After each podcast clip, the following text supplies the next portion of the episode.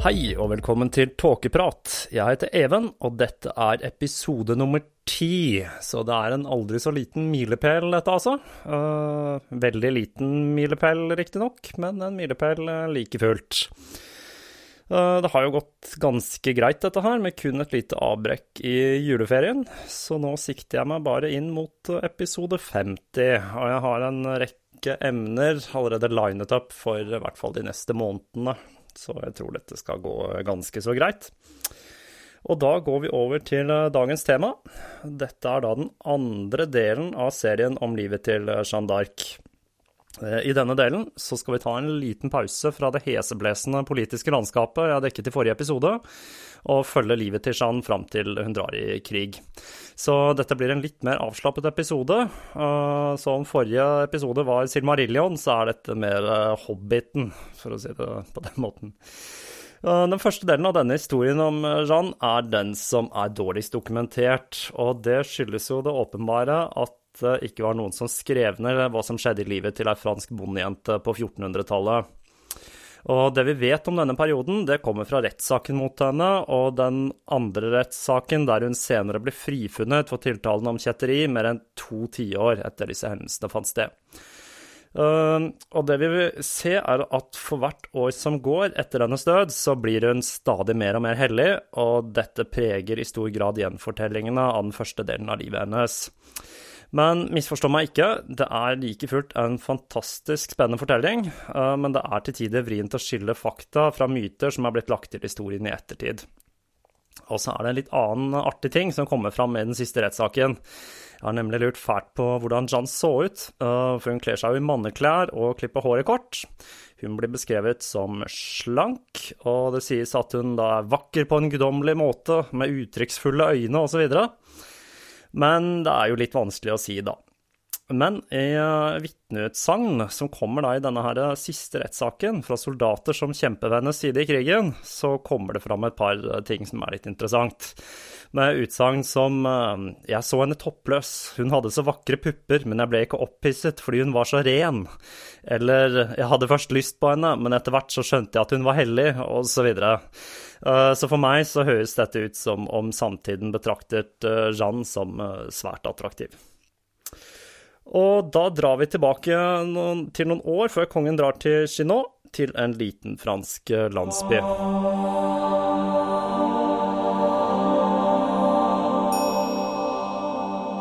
Jeanne blir født i 1412. Vi har ingen eksakt dato på fødselen hennes og hun blir født i den lille franske landsbyen Domremy. I oppveksten så drev Jeanne med gjeting av sauer, spinning av ull og annet korsarbeid. og hun var datter av Isabelle Romé og Jacques d'Arc, som i tillegg til å være bonde hadde en deltidsstilling som offentlig tjenestemann. Han inkasserte skatt og var en del av den lokale vaktstyrken. Hun hadde fire søsken, Pierre, Jacquemin, eh, Catherine og Jean. Um, navnet Dark det er noe hun har blitt gitt i ettertid etter sin far. Og som jeg forstår det, så er ikke dette egentlig et etternavn, men det betyr fra ark, altså som i Jonny fra Stovner, for de som tar den referansen. Um, når Jeanne senere blir spurt om etternavnet sitt, så forstår hun rett og slett ikke spørsmålet, og hun omtaler seg selv som Jeanne la Pucelle på fransk det kommer fra det latinske puella, som betyr jente, og som brukes om jenter i tidlig pubertet. Så på norsk så blir dette Jeanne Jomfruen, noe som da har en åpenbar bibelsk referanse. Jeanne er selvsagt da også analfabet. Domremy det ligger i fylket Bar i Øst-Frankrike, og de var lojale mot armaniakkene, til tross for at de var omgitt av områder som støttet Burgund-fraksjonen. Og i løpet av oppveksten så opplever han at eh, landsbyen jevnlig blir raidet av omstreifende bander og burgundiske tilhengere, og på et tidspunkt så blir hele landsbyen brent ned. Og det huset der hun vokste opp i, eh, etter sigende i hvert fall, det står der en dag i dag, og det er nå et museum. Så på et eller annet tidspunkt burde jeg kanskje lage en liste over de beste tåkeprat-reisemålene i denne podkasten. Ja.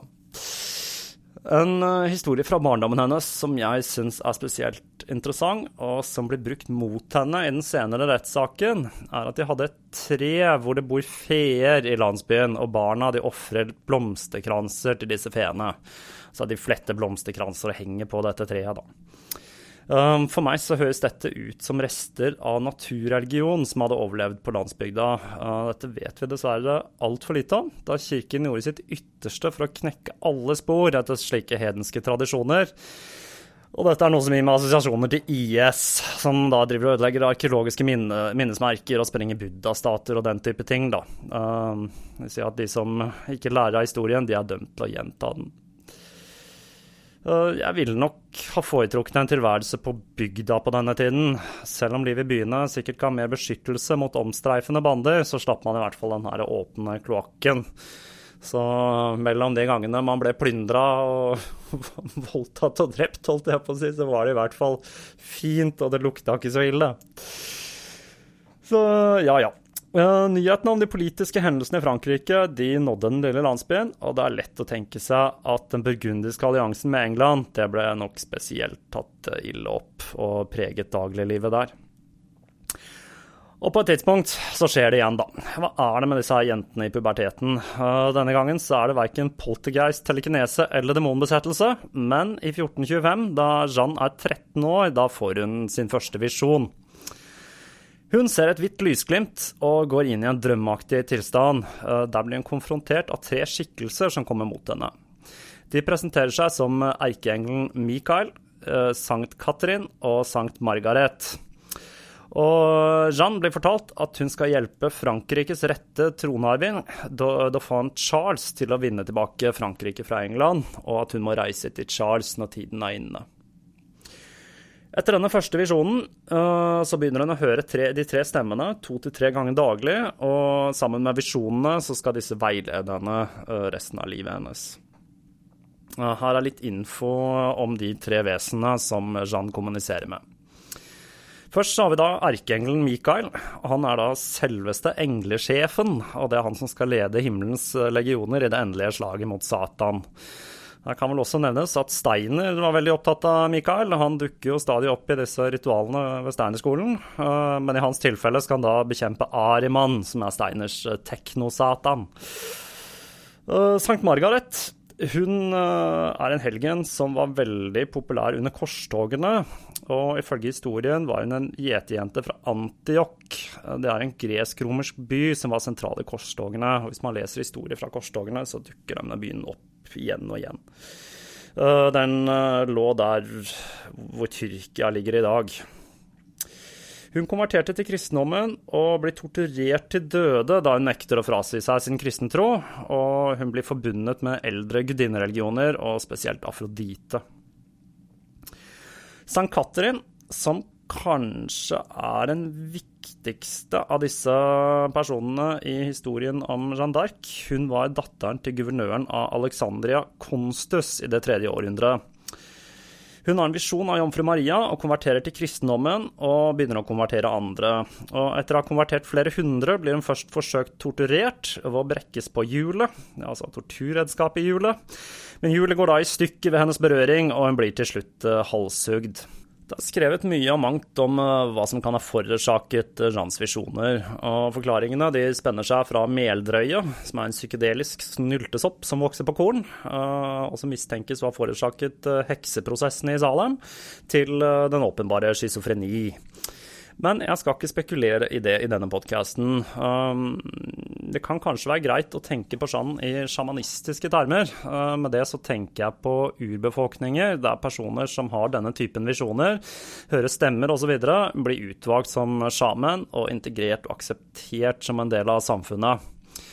Og det er i stor grad det som skjer med Jeanne. Uh, men der en person i Amazonas ser og hører forfedrene, så ser og hører Jeanne uh, helgener og engler, og noe som gir mening i, i den samtiden hun lever i.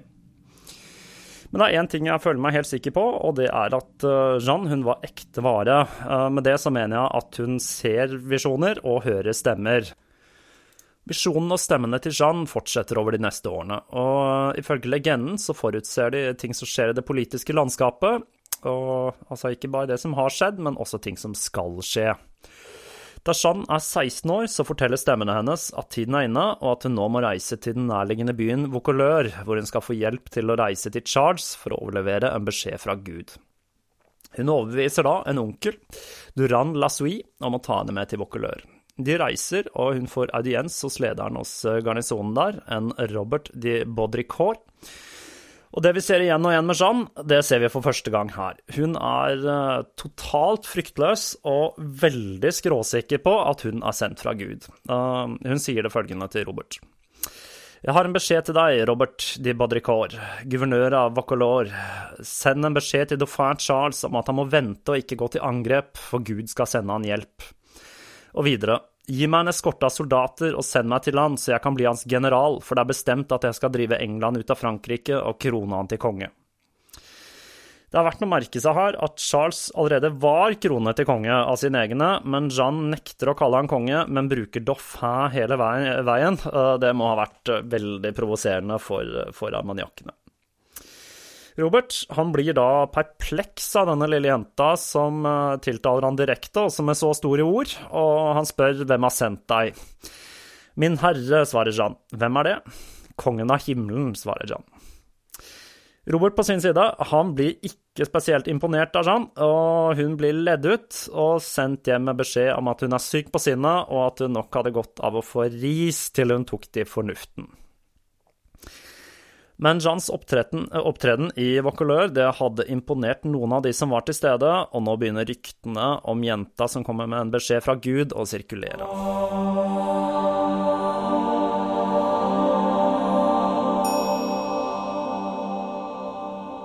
Sommeren og høsten går, og i januar, når Jeanne er 17, forteller stemmene henne at hun igjen skal dra til Vaucouleur. Da hun ankommer denne gangen, så har ryktene om hennes ankomst kommet henne i forkjøpet, og folk kommer for å se på denne jenta som skal redde Frankrike. Hun drar igjen til Robert, som nå tar henne imot med mer respekt, men han forteller at han ikke kan sende henne til kongen slik hun ønsker. Men denne gangen drar ikke Jeanne tilbake til Dom Remy, men hun blir i byen, hvor hun pisker opp stemningen mer og mer, og hun får en ny visjon. Hun forteller at armaniakiske tropper vil lide et forferdelig nederlag ved Rouvray, og det var jo her de franske og skotske troppene ble totalt grusa da de skulle forsøke å stoppe den engelske forsyningskaravanen som var på vei for å forsyne troppene som okkuperte Orléans. Dette slaget er da for øvrig kjent som Sildeslaget, for de hadde med seg fiske i denne karavanen. Og noen dager etter Jeanne har fortalt om dette til Jeanne de Metz, som er en av soldatene til Robert, så kommer det et sendebud med beskjed om hva som har skjedd ved Rouvray. Metz blir da overbevist om at Jeanne er ekte, og sammen med en annen soldat, Bertrand de Poulain, uh, sverger de sin troskap til Jeanne, og de sverger at de skal hjelpe henne med å nå Charles. Robert blir overbevist om at det er noe med denne jenta, og han tilkaller Jeanne for at en prest skulle utføre en utredning av stemmene og visjonene hennes, for å finne ut om de var av guddommelig eller demonisk natur. For Jeanne var langt fra unik i dette henseende.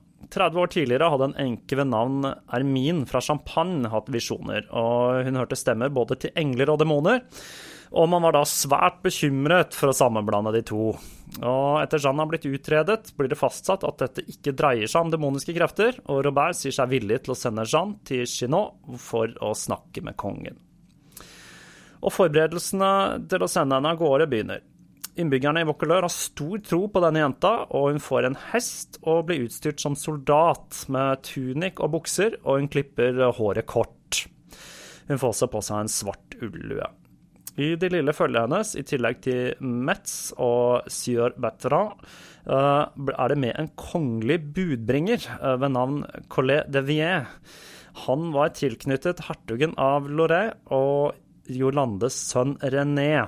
Og dette er noe som kan tyde på at Jolande allerede hadde iverksatt en plan for å føre Jeanne til Charles.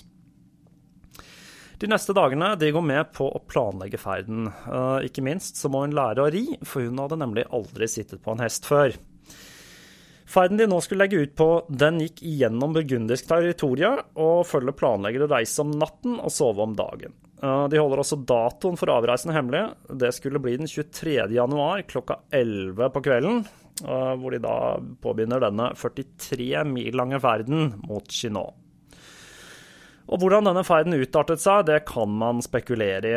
Det er lite tvil om at dette var en svært risikabel ferd gjennom fiendtlig territorium, og dette må ha vært en skikkelig heroes journey à la Frodos ferd til Mount Doom. Eh, det finnes mange gjendiktninger av denne ferden. Eh, de dreier seg i stor grad om Jeans hellighet, og ting som at hun nekter de som er med i følget å banne, og hvordan hun kan navigere uten å ha lært det, og hvordan stemmene guider følget trygt gjennom fiendens linjer. Twain har altså gjort en, en god jobb i å dramatisere denne delen av historien. Men vi vet ikke så veldig mye om hva som egentlig skjedde, men det var helt sikkert fryktelig dramatisk. Da følget kommer til byen Saint Catherine de Fierbourg, tre mil øst for Chinon, dikterer Jeanne et brev til kongen for å varsle om sin ankomst. Det ville i seg selv eh, langt fra være nok til å få audiens, men Jolande hadde kongens øre. Og en måned etter følget hadde forlatt Vaucouleur, så ankommer det helskinnet i Chinon. Uh, Jeanne hun vekker stor oppsikt ved hoffet. Uh, en ung bondepike, fremdeles i tenårene og kledd skandaløst som en mann i klær som uh, ingen respektable kvinner ville kle seg i. Og med Jordandes hjelp så får Jeanne et møte med kongen og hans nærmeste rådgivere. I dette møtet så skal Jeanne ha kommet med en privat beskjed til kongen fra Gud, som bekrefter at hun var Guds sendebud. Hun forteller kongen og rådgiverne at hun ikke bare er sendt for å instruere kongen, men at hun selv vil lede en hær for å drive England ut av Frankrike og føre Charles til Rhin, eh, så han kan bli kronet på ordentlig med oljen fra Clovis og med all den kongelige regaliaen. Og når det gjelder Ræ, så er dette et stedsnavn jeg har hørt uh, uttalt på fransk nå. Uh, I forrige episode uttalte jeg det Rem, uh, hvor det skrives da R-E-I-M-S. Og hele ordet er stumt. Det er altså Ræ. Så jeg skulle ønske jeg hadde ført litt bedre med i fransktimene, men jeg sier Ræ herfra ut, i hvert fall. Uh, hun omtaler også Charles som Dufin ved hoffet, uh, da hun ikke anså han som konge før han var kronet i Ræ, og dette skapte selvfølgelig stor furore. Og alt dette her fører til atter en teologisk debatt. Det var jo måten å tolke ting på den tiden på. var Jeanne ekte vare, eller var hun sendt av djevelen for å lure Charles? Alle visste jo at det var lettere å påvirke kvinnesinnet for Satan, og i Det gamle testamentet der står det klart og tydelig at en kvinne i manneklær, det er en vederstyggelighet i Herrens åsyn. Og Jeans hardnakkethet og ivrighet etter å lede en hær i krig kunne også ses på som et tegn på demonisk innflytelse. Og om Charles skulle følge en falsk profet, ja, da ville Gud straffe Frankrike for hans synder. Men Jolande hun overbeviser Charles om at det er verdt å forfølge denne saken videre. Jean sine påstander skal testes etter en prosedyre som ble skrevet av John Gerson i verket om undersøkelse av ånder. Dette er et verk som tar for seg prosessen med å fastsette om ekteheten og opphavet til visjoner. Det første de sjekker, det er om hun var jomfru, slik som hun påstår. Um, hun hadde tross alt vært ute i felten med soldater og kledde seg i manneklær, noe som var helt vilt. Det går igjen og igjen. Altså, det her med at hun kler seg som en mann, det er nesten det verste av alt, tror jeg. Uh, kona til kapteinen for hæren i Chinon og kona til den ene rådgiveren til Charles undersøker han og bekrefter at hun er jomfru. Det neste som skal testes, er hennes spirituelle integritet. Um, erkebiskopen Gelot råder kongen til å holde seg unna Jeanne til hun har blitt forhørt av kirken. For selv om det var svært usannsynlig at Gud ville velge en kvinne som sitt redskap, så var det viktig å ha et åpent sinn. Jeanne ble sendt til uh, Poitiers, hvor hun ble avhørt av de fremste teologene i den armaniakiske fraksjonen. De ble veiledet av biskopen av Rhin, Renaud de Chartres. Avhørene skulle vare i tre uker, og de brukte prinsippene til Gaisson som rettesnor i denne prosessen. Jean ble stilt spørsmål om livet sitt, uh, sin oppførsel og sin gudstro, og det ble også foretatt bønn og gudstjenester for å forsøke å få et tegn fra Gud som enten kunne bekrefte eller avkrefte hennes påstander. Prestene var veldig i tvil, Alle kvinner som hadde hatt guddommelige visjoner i kirkens nyere historie, hadde nemlig hatt disse ved hjelp av en prest som kunne gå god for deres moral. Jeanne derimot, hun hadde ikke hatt noen form for veiledning, og hun hadde mottatt visjoner uten noen som helst hjelp fra kirken. Men det var noe med Jeanne. Hun står klippefast på påstandene om at hun er sendt fra Gud for å frigjøre Frankrike. Og det er dette som er så skrekkelig fascinerende med Jeanne, for til tross for at hun er analfabet og ikke har noen teologisk bakgrunn, så svarer hun tilsynelatende svært godt for seg. Um, vi kan regne med at disse prestene forsøkte å lure henne i teologiske feller for å bevise at hun står i ledetog med djevelen, sånn som var ganske vanlig, for her var man jo skyldig til det motsatte var bevist. Ukene de går, og avhørene fortsetter, og prestene konkluderer med at det ikke finnes noe tegn på ondskap i Jeanne. Eh, kun godhet, ydmykhet, jomfruelighet, integritet og enkelhet. Men dette er ikke nok til å konkludere med at hun er et sendebud fra Gud. Eh, de trenger et tegn for å kunne trekke en så drastisk konklusjon. Men en løsning var i sikte, for eh, da det blir påpekt til Jeanne at det vil være svært vanskelig for henne å nå Ræ slik som hun skulle, da Orléans fremdeles var under beleiring, svarer hun kontant at hun vil lede en hær for å bryte beleiringen av byen. Og dette falt i god jord. Det ville være en perfekt prøve for å teste påstandene hennes. Om hun lykkes, så ville det virkelig vise at hun var Guds sendebud, og om hun feilet, så var det ikke så stort å tape, og kongen han ville ikke bli latterliggjort for å sette denne jenta på prøve på denne måten og kongen får anbefalingen fra kirken om å la Jeanne lede angrepet mot okkupasjonstroppene ved Orléans. En siste jomfrusjekk ble utført på Jeanne av eh, Jolande selv, som bekrefter hennes ærbarhet, og ryktet til Jeanne som Frankrikes håp begynner å spre seg. I rapporten fra kirken blir hun ikke lenger omtalt som jomfru, men jomfruen, eh, noe som da selvsagt hinter eh, om hennes tilknytning til det guddommelige og den 22. mars dikterer hun et brev til den engelske hæren i en eh, enkel, primitiv, rablende og litt barnslig stil, vil jeg si, som eh, kjennetegner alle disse brevene hun dikterer. Hun hadde for vane å starte brevene med Jesus Maria, som nok var to navn hun hadde plukket opp i de latinske gudstjenestene. I brevet dikterte hun følgende. Jesus Maria, kongen av England, og du hertug av Bedford som kaller deg selv regent av Frankrike. Du, William de la Pole, greve av Suffolk, John lord av Talbot og du, Thomas lord av Scales, som kaller dere selv løytnanter av den tidligere nevnte hertugen av Bedford, underkast dere Herren, gi til jomfruen, som er sendt av Gud, kongen av himmelen, nøkkelen til de byene dere har tatt og skitnet til i Frankrike kongen av England, om du ikke gjør dette, jeg er lederen av militæret. Hvor enn jeg finner dine menn i Frankrike, vil jeg drive dem ut, om de vil eller ikke. Om de ikke adlyder, vil jeg drepe dem alle. Jeg er sendt her av Gud, kongen av himmelen, for å bekjempe deg ansikt til ansikt og drive deg ut av Frankrike. Om de adlyder, vil jeg vise dem nåde, og jeg tror det er slik det vil skje, for du vil aldri klare å ta Frankrike fra Gud, kongen av himmelen, den hellige Marias sønn, men Charles, rikets rette arving, skal regjere, for dette er Guds ønske, og dette ble fortalt ham av jomfruen. Og brevet fortsetter i samme stilen, i lange baner. Hun kan fortelle at kongen snart vil eh, være tilbake på sin rettmessige plass i Paris, og at hun skal starte et kamprop som ikke det har blitt hørt maken til i Frankrike på 1000 år og at det ikke er for sent for Bedford å overgi seg, da det var åpenbart at jomfruen skulle vinne denne kampen da hun har Gud på sin side. I brevene hennes så ser vi at den mytologiske framstillingen av Jeanne som eh, veldig unnvikende i forhold til voldsbruk nok er litt overdrevet. Um, jeg kan se her at hun er ekstremt overbevist om sine egne evner, og at hun ønsker å frigjøre Frankrike, koste hva det koste vil. I den siste uken av mars så blir hun presentert for kongen offentlig, og en kampanje for å stadfeste hennes status som sendebud fra Gud blir iverksatt.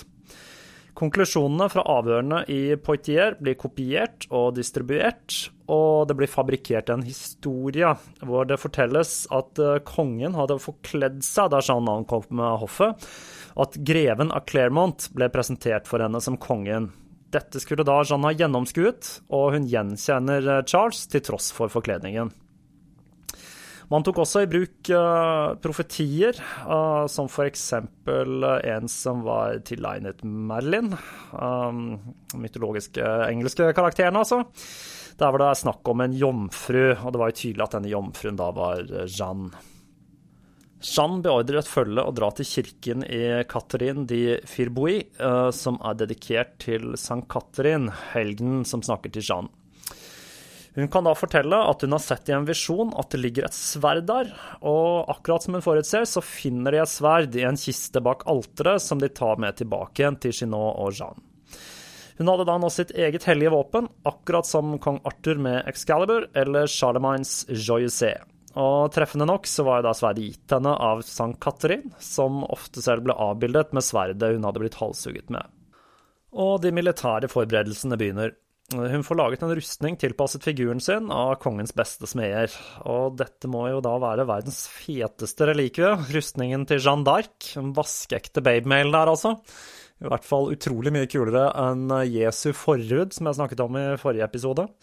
Jeg har for øvrig sett at uh, det dukker opp falske Jeanne d'Arc-rustninger uh, med jevne mellomrom uh, rundt omkring i Frankrike. Hun får også laget en egen banner. Banneret det var veldig veldig viktig på denne tiden, men jeg har ikke brukt noe særlig tid i denne serien på å beskrive bannerne til de forskjellige troppene. Men for de som er veldig interessert i militære bannere i hundreårskrigen, så fins det masse fin informasjon om dette på internett. Jeans banner derimot, den er jo verdt å nevne, da den er vesentlig for denne historien. Og det var Frankrikes Flor de lis. Det er et liljemønster som sikkert de fleste har sett. Brukt veldig mye av det franske monarkiet. Det var Flor de lis i gull på en hvit bakgrunn med Kristus med en engel på hver side og Jesus Maria skrevet på. Og i den første uken av april, da drar eh, Jeanne til Tour, hvor hun forbereder angrepet mot troppene ved Orléans. Hun har da fått en væpner, Jean Darlot, og to tjenere ved navn Louis og Raymond på henholdsvis 14 og 15 år. Hun har også en egen prest som holder gudstjenester og tar skriftemål. Og mens hun er i Tor, så lærer hun seg å gå, og ikke minst ri i rustning, noe som ikke er spesielt enkelt. Um, jeg så at en platerustning på 1400-tallet, den veide i gjennomsnitt 27 kilo. Det er omtrent halve kroppsvekten hennes der. Um, hertugen av eh, Alençon han blir med i Jeans hær, og han blir så imponert av å se henne ri på hest i rustning og med lanse at han gir henne en hest i gave. Han har også med seg knippe kapteiner som skal hjelpe til i angrepet. Ambroi Dillor, Lahir, Raoul Gacor og ikke minst en ridder fra Bretton, en fyr vi kommer til å høre mer fra, og som er kjent for helt andre ting, nemlig Gildy Re. Og på toppen av det hele så vurderer Garson, altså forfatteren av den uh, om undersøkelser av ånder, han vurderer Jeans påstand om at hun er Guds sendebud, og lager et skriv som da oser av armaniakisk patriotisme, og som vurderer henne som ekte vare. Ryktene om Jeanne hadde nå også nådd Orléans, som i et desperat forsøk på å få slutt på beleiringen hadde forsøkt å hamre ut en avtale med Philip av Burgund. Noe de lyktes med, men avtalen blir torpedert av Bedford, og dette fører til at Philip av Burgund trekker soldatene sine ut av troppene som beleirer Orléans, og okkupasjonsstyrken den blir nå redusert. Sammen med ryktet om jomfruen som skulle redde Frankrike, jazzet nok dette opp stemningen i den beleirede byen et par hakk. Den 21. april forlater Jean Tour og drar for å forsyne hæren i Blois. Herfra sender hun brevet hun tidligere dikterte til de engelske troppene ved Orléans, og hun innfører et knippe nye regler for soldatene sine. Hun forbyr drap, voldtekt og plyndring, og alle andre typer vold mot de som er villige til å underkaste seg Frankrikes rette regent.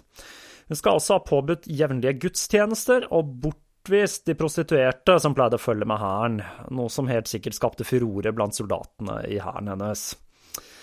Og natten den 25. april sover hun i rustningen sin, og neste morgen så drar jomfruen i krig.